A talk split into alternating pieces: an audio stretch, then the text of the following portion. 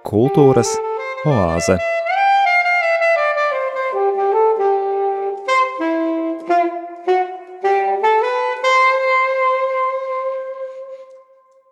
Esiet sveicināti, cienījamie radio Marija Latvija klausītāji! Ētera laiks raidījumam Kultūras oāze, un jūs sveicina tā veidotājs un vadītājs Normunds Zariņš. Globālās pasaules notikumi un pārmaiņas norāda, ka kultūra tās plašākajā izpratnē sabiedrības vairākumam tomēr nav kā galvenā vai vismaz viena no galvenajām prioritātēm primārākas par kultūru kļuvušas ekonomiskās un politikas intereses. Pasaules telpā arvien vairāk veidojas tādi kā burbuļi. Latviešu dzēnieku Vēdenbaumu citējot, vēdars Dievs visaugstākais un katrs pats sev tuvākais. No burbuļa ir jākāp laukā, to var izdarīt ar sevis izglītošanu. Mūsu izaicinājums šodien – Vispirms ir spēt apzināties un iepazīt sevi, ļauties izaicinājumam nepārtraukti apgūt ko jaunu. Par kultūras ietekmi uz cilvēka personību mana šīs dienas saruna, raidījuma viesis, žurnālists un rakstnieks Rimants Ziedonis. Sarunu papildina viesa muzikālās izvēles.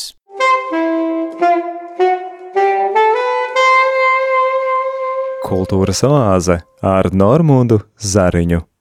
Raugoties no dievišķās radīšanas perspektīvas, ik viens cilvēks ir personība, vai tā kļūst kulturāli daudzpusīga un ievērojama, paliek katra paša ziņā. Man pašam vērtīgākie līdzekļi šajā procesā ir kristietība un tās iedvesmotās kultūras vērtības, pretējā gadījumā es dzīvotu vien kā pliekana, sekulāri vienveidīga, eksistenciāla būtne. Pārdomas par kulturālu cilvēka personību turpina Rimants Ziedonis. Nu, es neesmu filozofs, bet nu, man nav savas izstrādātas kultūras definīcijas, bet, uh, ja jūs jautājat, kas manā skatījumā ir kultūrāls cilvēks, nu, parasti mm, kultūrāls cilvēks tiek uzskatīts kā tāds, kas lūkojas mm, teātrī, kas klausās koncertus, kas daudz lasa, ja, kas, nu, mēs teikt, patērē kultūras procesu. Ja. Tā tas ir, bet, bet ne tikai. Manuprāt, ka kultūrāls cilvēks ir tāds, kurš ir ar paauga, paaugstinātā garīguma pakāpē. Mēs pēc hierarhijas jēdzienu kultūru varētu palikt apakšā, manuprāt, zem garīguma. Ja? Un, mm, arī cilvēks, kurš precīz, precīzāk izjūt nu, transcendenci, kurš ir ētisks, mm, tolerants un, un, un svarīgi ir iekšēji sakārtots. Ja? Jo iekšēji sakārtots cilvēks vieš kārtību. Kārtība ir kultūra, būtībā. Jeb, jeb, jebkurā formā. Mm.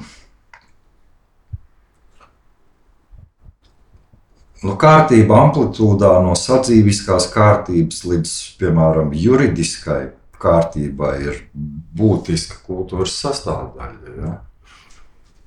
Un, mm, Nu, kā kultūras pazīme mēdz minēt arī izglītību. Tā, tā tas arī ir. Ja? Bet nevienmēr mm, izglītība garantē nu, cilvēka kultūras līmeni. Mm, cilvēkam jau var būt trīs augstākās izglītības, piemēram, bet kā to noformē, viņam viņš nespēja, viņa būtība neļauj viņam savas zināšanas kaut kā absorbēt vai, vai, vai viedi uztvert. Viedi uztvert, ja? sintēzēt sevi. Nu, viņš var iekalt faktus, ja? Ar izglītību, formulas, bet viņa var gadīties, ka viņam nav dots tāds dabas dots biedums, ja, vai viņam nav tāda sensora, kas ļautu mm, savas zināšanas savienot ar pasaulīgu, transcendentālu kārtību. Bet, mm, bet redz, tu stāv veikalā, kasē, un tu redz, ka kasierei ir tas viedums. Un to kaut kā jūt, un to pēc acīm redz, ka viņai ir tas viedums. Kaut, gan viņai varbūt nav tas, tas nu, trīs izglītības. Ja? Un man bija, es atceros, ļoti. Es gribu pateikt, ka es arī viedumu stāvu hierarhiski augstāk nekā formulējuma kultūra. Un man bija divas vecās māmas, viņām arī nebija nekādas augstākās izglītības, bet no, no viņām staroja tāda, nu, tāds viedums, kad no es atceros, ka neviens viņu klātbūtnē neatļāvās pacelt balsi. Piemēram, ja. un, un viņām apkārt vienmēr bija, nu, to varētu nosaukt par kultūrālu vidi. Ja kāds gribēja strīdēties, tad pabeigta pa kaktiem, nekad viņa klātbūtnē. Viņa, viņām bija riņķievām tāds lauks, viņas neko neaizrādīja, bet visi kaut kas saprata. Nedrīkst, nedrīkst viņas klātbūtnē nestrīdēties, ne pacelt balsi. Un viņām vienmēr riņķī bija nu, tā, emocionāla, emocionāla un garīga kārtība. Ja? Viņa apkārtnē bija tāda kultūra. Ja? Viņas bija vietas. Un Biedums, kā jau es teicu, manuprāt, ir augstākā kultūras pakāpē, ne tikai zināšanas, kultūrā vien. Nu, tā, tā nebija definīcija, kā jūs dzirdējāt, bet nu, apmēram tā es lūkojos uz cilvēku, kas varētu būt kultūrāls. Thank you.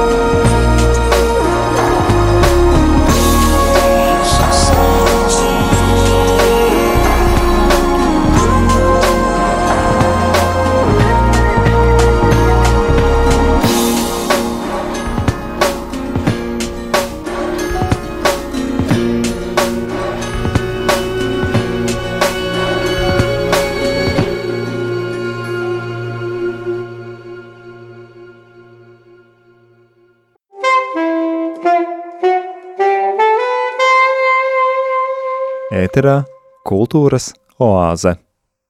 Par kultūrāli cilvēka personības paraugu bieži mēdzam uzskatīt cilvēkus, kas pieder tā dēvētajai radošajai inteliģencei, cilvēki personības, kas ar savu radošo, zinātnisko, literāro, māksliniecisko darbību spēj radīt jaunas garīgas vērtības, paust oriģinālas domas, īstenot jaunas pieejas, risinot problēmas un tam līdzīgi.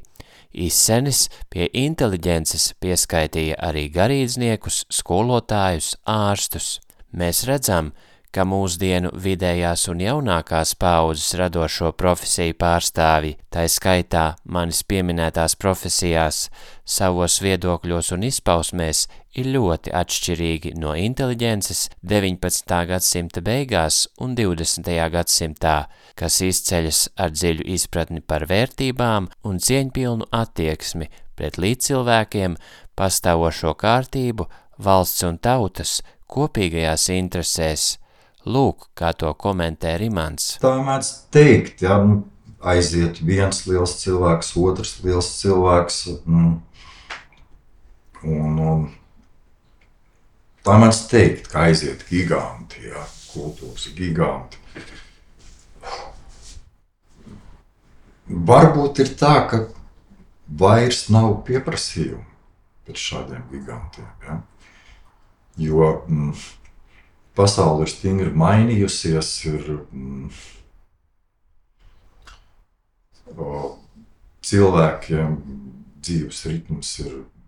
Teiksim, tā informācijas plūsmas ir daudz dažādākas, tehnoloģijas ir dažādākas, un, tas, informācijas viļņi ir intensīvāki, mm, ātrāki, daudzveidīgāki, bet virspusējāki. Ja? Un, Jā, nu, viens aspekts, par ko es domāju, ka padomju laikā viss gāja caur vienu smadzeņu puslodi. Teksim, nevis to matemātisko, racionālo, bet caur to emocionālo kultūras ja, smadzeņu puslodi. Caur šo vienu puslodi tad arī caur mākslu un kultūru gāja. Viss caur to gāja.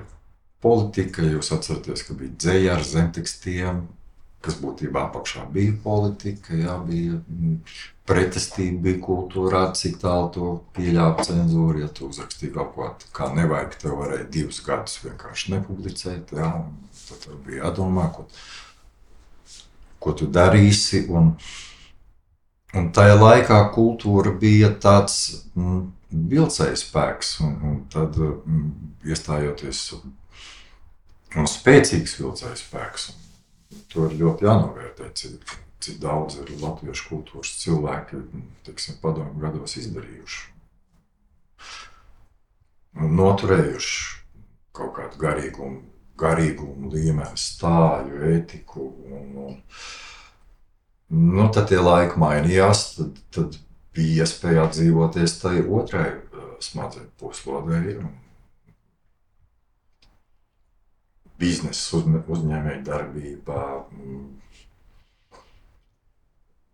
mm, brīva, brīva politiska uzskati, ja, cik, cik tas sociālā sistēma uzbūve valsts vai ne. Un, un, un tad kaut kā mm, kultūra pārstāja dominēt. Ja? Un, ja man, mm, jā, es domāju, šīs milzīgās informācijas plūsmas, šīs izmaiņas, kas ir, neti, tas nav tikai Latvijā, ka varbūt ir kaut kāda zināma degradācija mm, garīgumā, domāšanā, ka cilvēki neiedziļinās. Bet tas ir tas milzīgais mm, dažādu pasaulīgu, informatīvu, emocionālu, politisku uzskatu, strāvojumu iespējas, ka cilvēks viņam vairs tik daudz nav vietas kultūrā, viņa apziņā. Viņš to pat nevar atļauties. Bet es nevarētu teikt, ka mums kultūras cilvēki, literatūra tāpat pastāv. Nav slikta.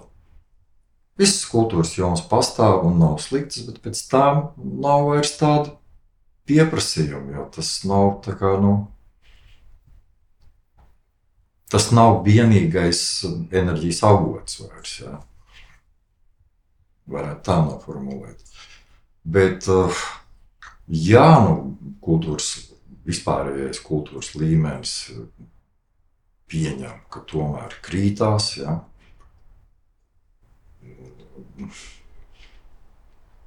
Mēs ļoti bieži satiekamies ar bezgaumībām, ar vulgaritāti, vairs nav nekādu vairs nav nekādu tādu vērtēšanas sistēmu kultūrā, kuras agrāk bija ļoti spēcīgas. Nu, ja, ja, ja tu slikti raksti, tev nepublicē, tev, ja tu slikti spēlē mūziku, tev nelaiž radio. Tagad, tagad vairs tāda sieta nav. Ja. Un, mm, bet tā ir visas pasaules tendence, un, un es nedomāju, ka tur kaut kas varētu mainīties. Mūsdienu sabiedrības viens no lielākajiem trūkumiem ir nespēja iedziļināties. Latvijas kultūra telpā pavisam nesen to pierādīja mākslinieka Kristiana Brektes sienas gleznojums veltījums Džemmai Skulmei. Sabiedrībā tas raisīs visdažādākās reakcijas – Brekte gleznojumu radījis iedvesmojoties no mākslinieces meiteņu tēliem, kas līdzinās bērnu zīmējumiem. Pāri sienas gleznojumam izvietots skulmas citāts Mēs visi esam sliekas, kurām jāirdina zeme. Tas interpretējams kā mākslinieces aicinājums jauniem censoņiem darīt augsni, valsti un sabiedrību auglīgu. Pats Brekte sabiedrības šūmēšanos rezumē ar aicinājumu beigt, citēju, pirst divānos un doties strādāt. Jautāju, kāds ir Rimanta redzējums, kā mainīt šo divāna ekspertu subkultūru par labu. Es domāju, vienīgais veids, kā, kā viņus var neutralizēt, ir viņus vienkārši ignorēt. Viņus vienkārši ignorēt. Man liekas, ka šis mm, gadījums ar Breikitu izraisīja nu, pārāk lielu ņemšanos. Nu, tas ir darbs, kā darbs. Ir, mm, mākslā var visu, ja? manuprāt, ja vien tā nekļūst mm, rupja, zaimojoša, agresīva. Ja? Nu, es šajā darbā neko tādu, tādu nesaskatīju. Visādi citādi mākslā var atļauties visu. Ir jautājums, nu, tā jēzga varbūt bija tāpēc, ka nu, šis darbs ir uzskatāms. Viņš ir uz sienas, ja, tūkstošiem cilvēku iet garām, un ļoti daudz no tiem viņiem, viņiem nav zināšanu par mākslas stiliem, par novirzieniem, un viņi neko tādu nav redzējuši. Viņi padomu laikā ir radināti, nezinu, bija visās jomās tik dzīts uh, realisms iekšā. Sociālistiskais realisms, kā viņš tur saucās. Jā. Un vispār latviešu kultūra, mākslas izpausmes ir tradicionāli realistiskas, kas man drusku liekas, drusku nepatīk. Teiksim, tā vai ne? Ja? Un, un, jā, un Šos cilvēkus baigi ignorēt. Ir vesels, ir vesela suga. Mm, ir tāda suga cilvēkiem, kuri mm, kaut gan viņš nav kompetents, bet viņš ir pietiekami ambiciozs, lai viņš jauktos eh, lietās iekšā. Tas ir vērojams visur.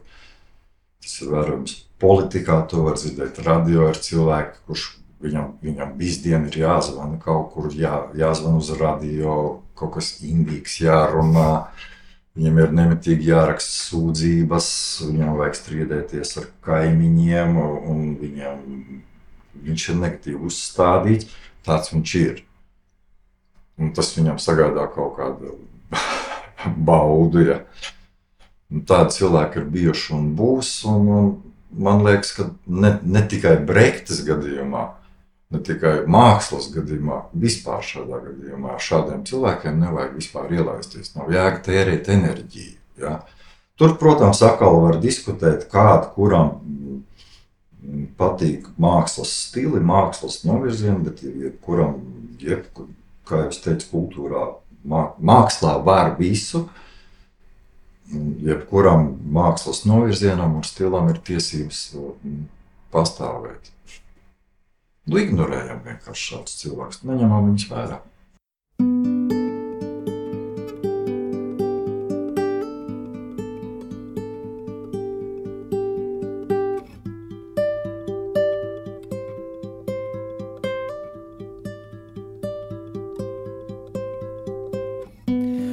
Mazā bilžu rāmītī,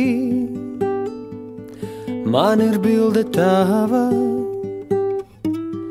citas bildes pasaulē, man tik skaistas nāvā. Tur ir tāds kā novakars, saule laižas slīpī, zelta pienēnes tu spraud, kafija kanna snīpī.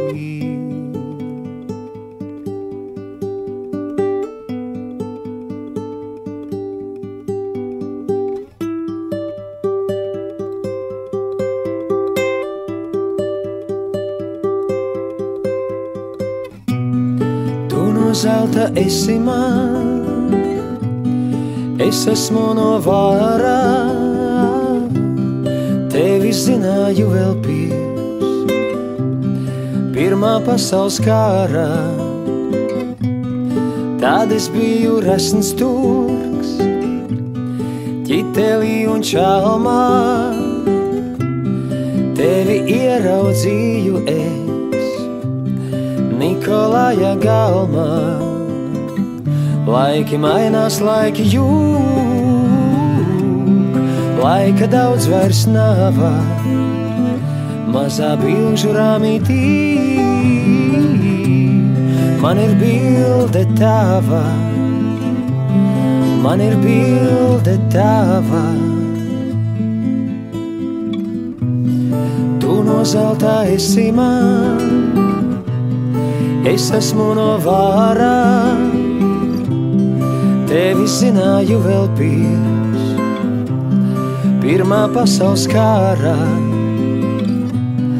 Tad es biju resns turks, ķitelī un čalmā, tevi ieraudzīju es Nikolāja galmā.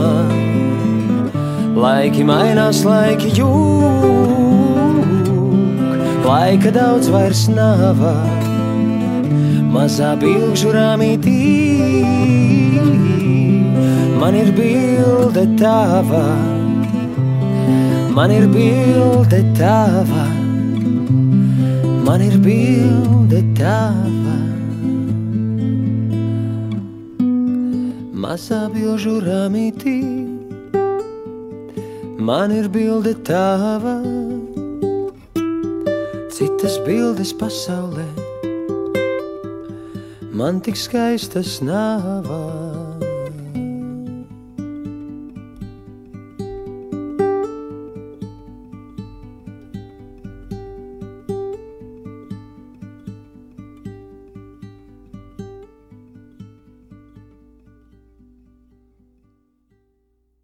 Nav noslēpums, ka žurnālista un rakstnieka Rimanta Ziedoņa tēvs ir dzēnieks Imants Ziedonis, Rimanta mamma Ritma Ziedone, dzimusi Safonova, visu mūžu bijusi skolotāja.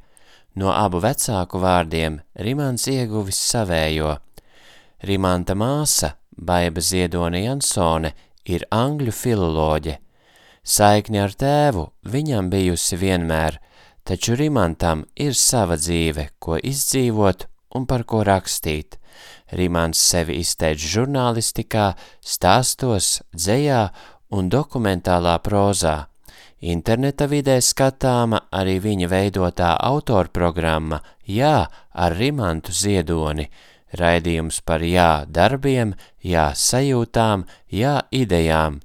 par sakārtotību dzīvē ap sevi, par jā cilvēkiem, par cilvēkiem, kuri ir nonākuši krīzes situācijās un tikuši no tām ārā, atkal tikuši uz jāstrīpas, un tomēr šajā sarežģītajā laikā es uzdūros kādam 1991. gada Latvijas televīzijas raidījuma Labvakar fragmentam ar Imantu Ziedoni, kurā dzēnieks izsakās par to, kas vajadzīgs, lai domātu. Lūk arī šis fragments.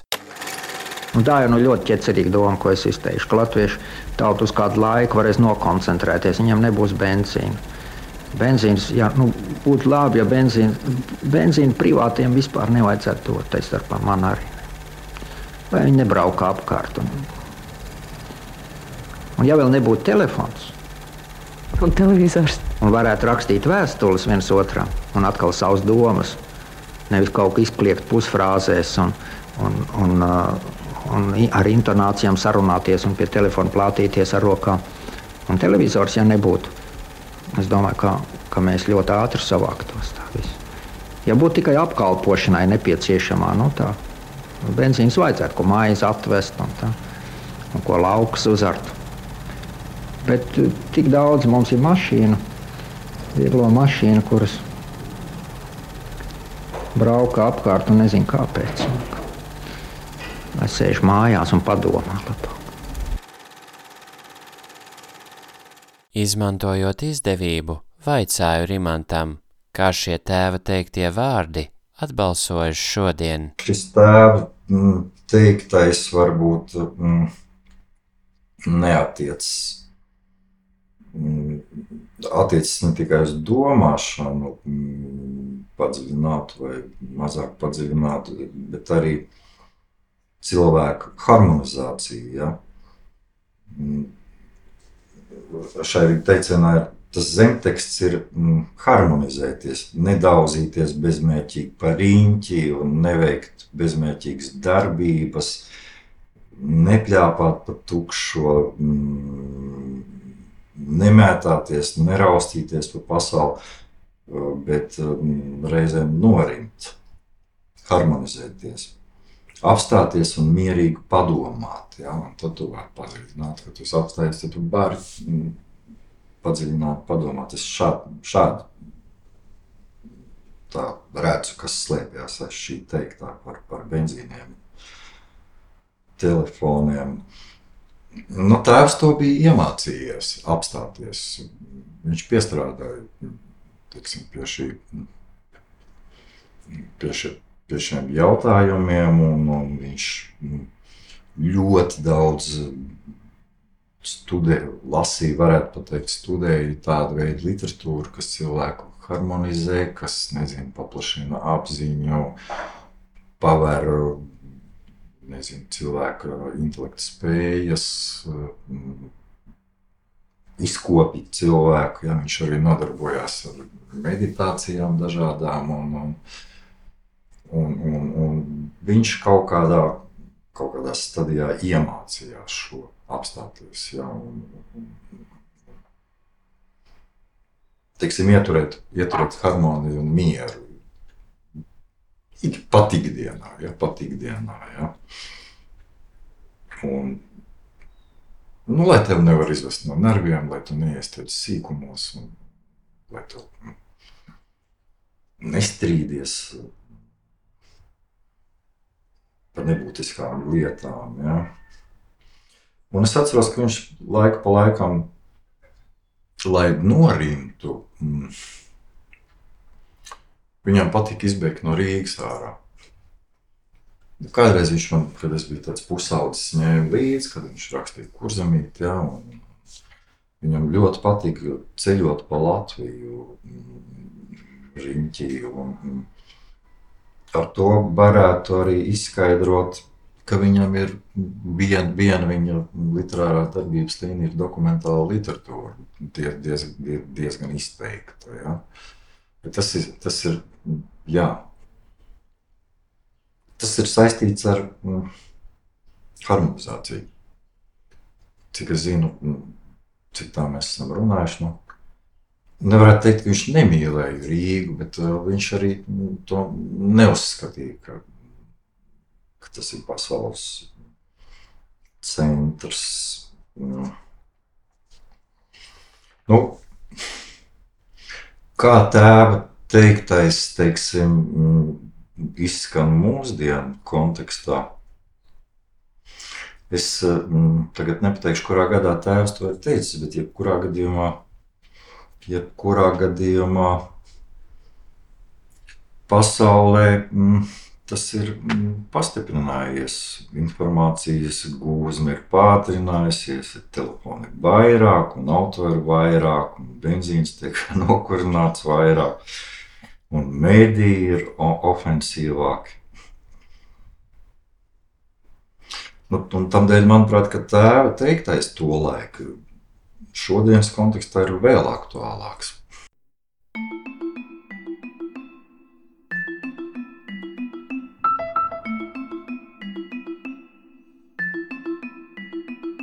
Viskaistākām ogām pasaulē, pilni šurdiem, pīlāņu zari. Viskaistākās ogas pasaulē, apēd vārnas un strazdu bari. Viskaistākās ogas pasaulē, tikai tāpēc, vien, ka tās rūktas smagiem, sarkaniem ķekariem šūpojas nenoplūktas.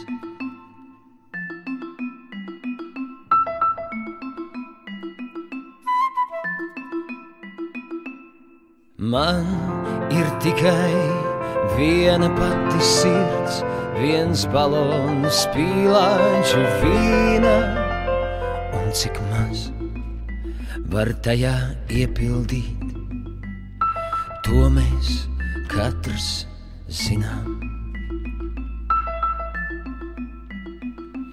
Man ir tikai viena pati sirds, bet jums taču arī ir sirdis. Tad noplēsiet visus pīlāņus, un tie visu ziemu jūs dzirdīs.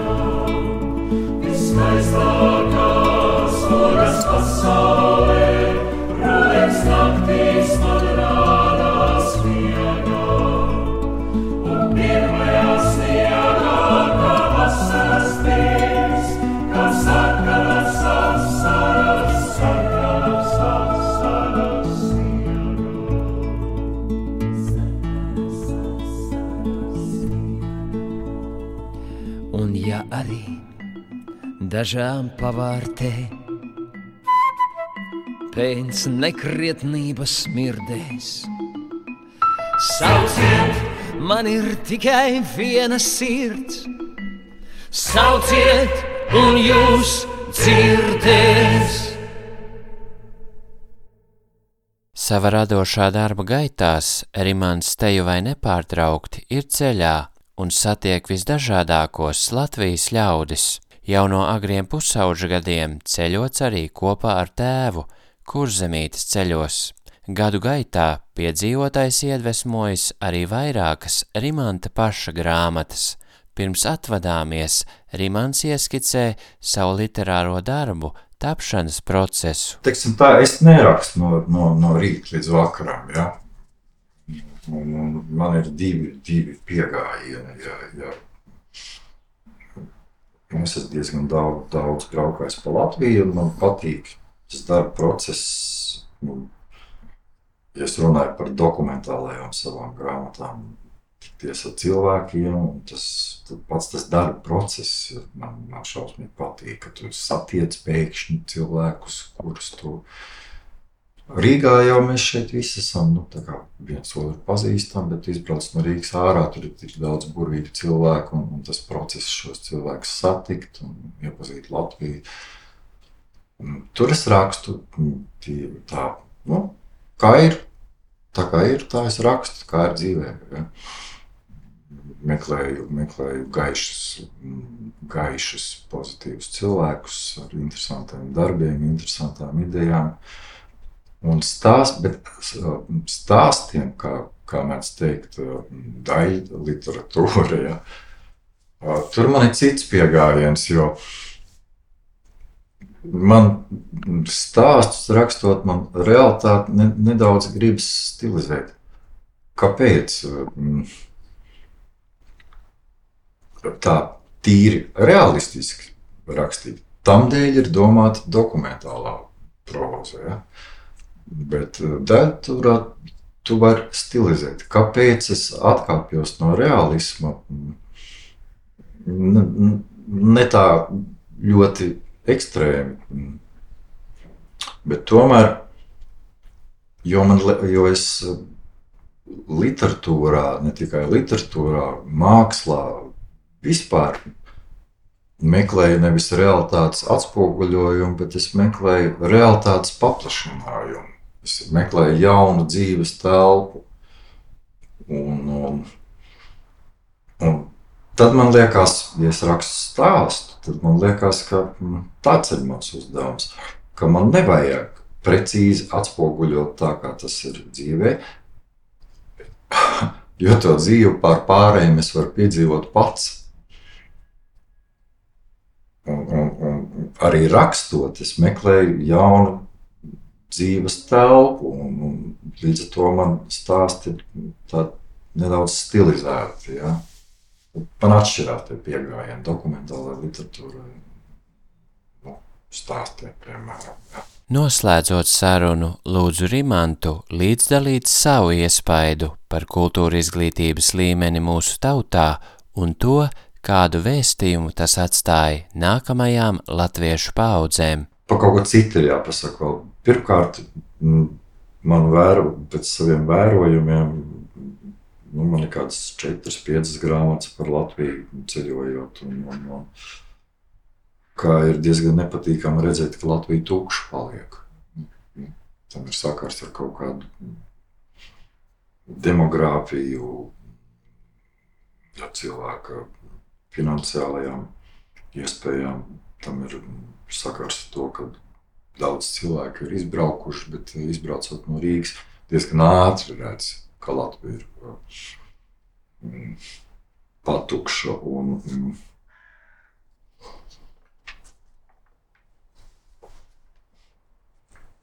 un, mm, būtībā, būtībā mm, Latvijā vieglāk ir dzīvot laukos turīgiem cilvēkiem. Tāda viensēta vairs nav, kad viena gotiņa, jā, kā, kā es atceros, manā vērtībā vēl bija. Cilvēki viensētās dzīvoja, tā viensēta sistēma jau ir, jau ir izjaukta, jau, un, un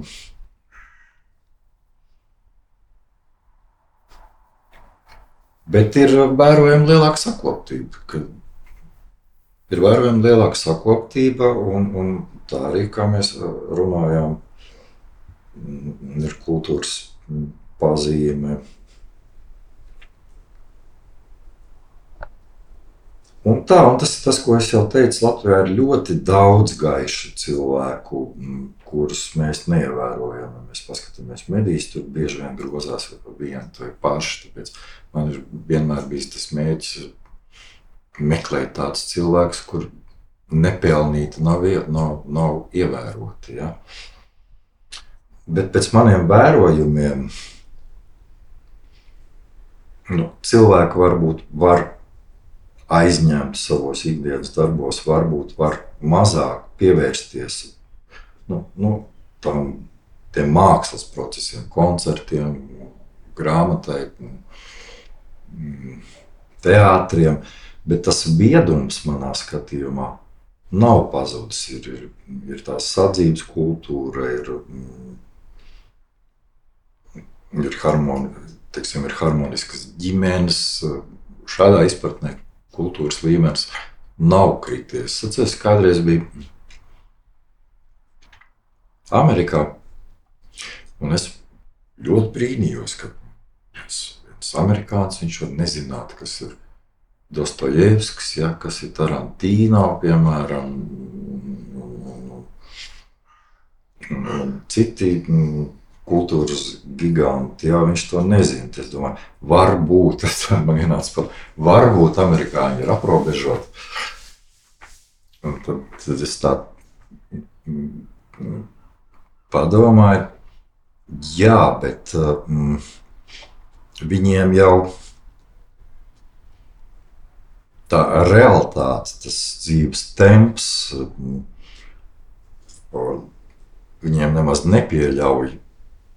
Viņiem, viņus piespiež turēties pie savas profesijas, ir ļoti spēcīga konkurence. Viņam ir ne, viņam jāturās savā šaurajā lauciņā, un šajā šaurajā lauciņā nemitīgi jāpilnveidojas. Viņš nemaz tāds plašs cilpas ārpusē nevar mest. Teiksim, viņš Viņam nākas iet dziļumā savā profesijā, lai turētos. Ja? Bet, bet viņš nevar paplašināt redzesloku, viņš nevar pārzināt nezinu, literatūru, viņš nevar pārzināt zinātnes, kaut kādas inovācijas, un, un, politiskos procesus pasaulē. Un, bet kopumā es par kultūras līmeni, par cilvēku kultūras līmeni, plašākā nozīmē, par viņu viedumu. Mm, esmu, esmu labās domās. Manuprāt, tas kaut kādā mērā ir krities, bet tas nekādā gadījumā nav, nav zemāks kā. Manuprāt, tas ir augstāks par vidējo Eiropas kultūras līmeni. Nu, ja mēs nerunājam par intelektuāliem slāņiem, bet par tautu kopumā. Ja. Un, mm, daudzās līnijās mm, pat stipri augstāks.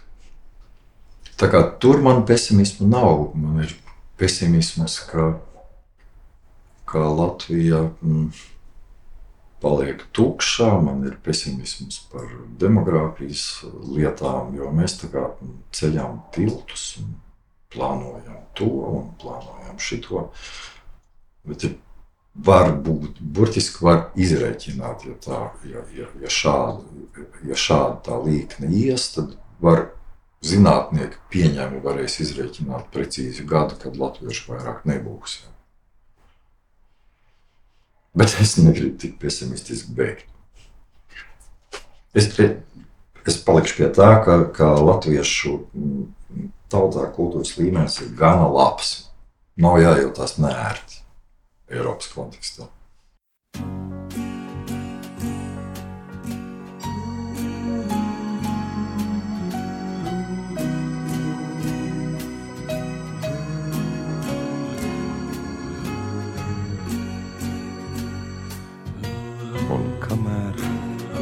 Mazs brūns teliņš. Caur brūnu govi rit. Jūs arī varat paspēt kaut ko vēl padarīt. Necerību, tad vāzi spraust pilnu puķu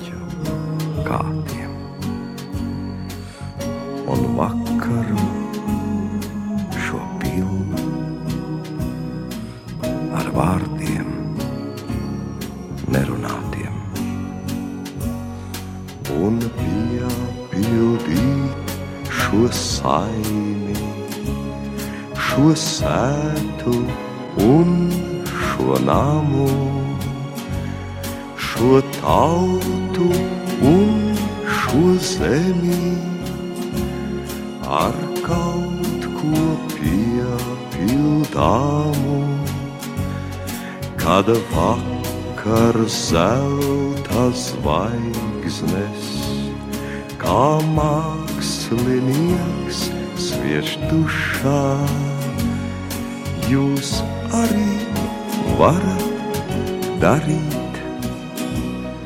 kaut ko no nebijušā.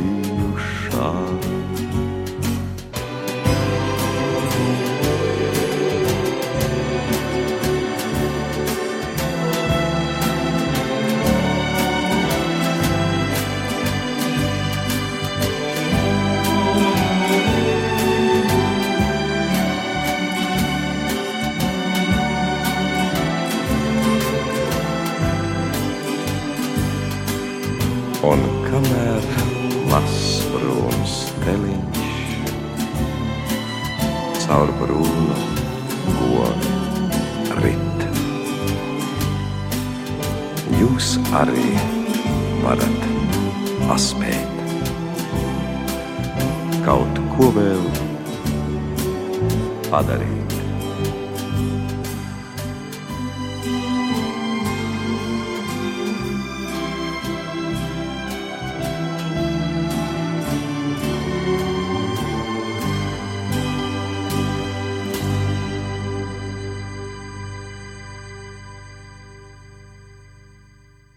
Dārgais Radio Marija Latvija klausītāji, šīs dienas raidījuma laiks ir aizžetējis. Paldies par kopā būšanu! Uz sadzirdēšanos 18. aprīlī, pulkstens 17. kad sarunā par ceļošanu un ielu muzikantu dzīvi, tiksimies ar latviešu aktrisi, rakstnieci un dēkaini Ilonu Balodi.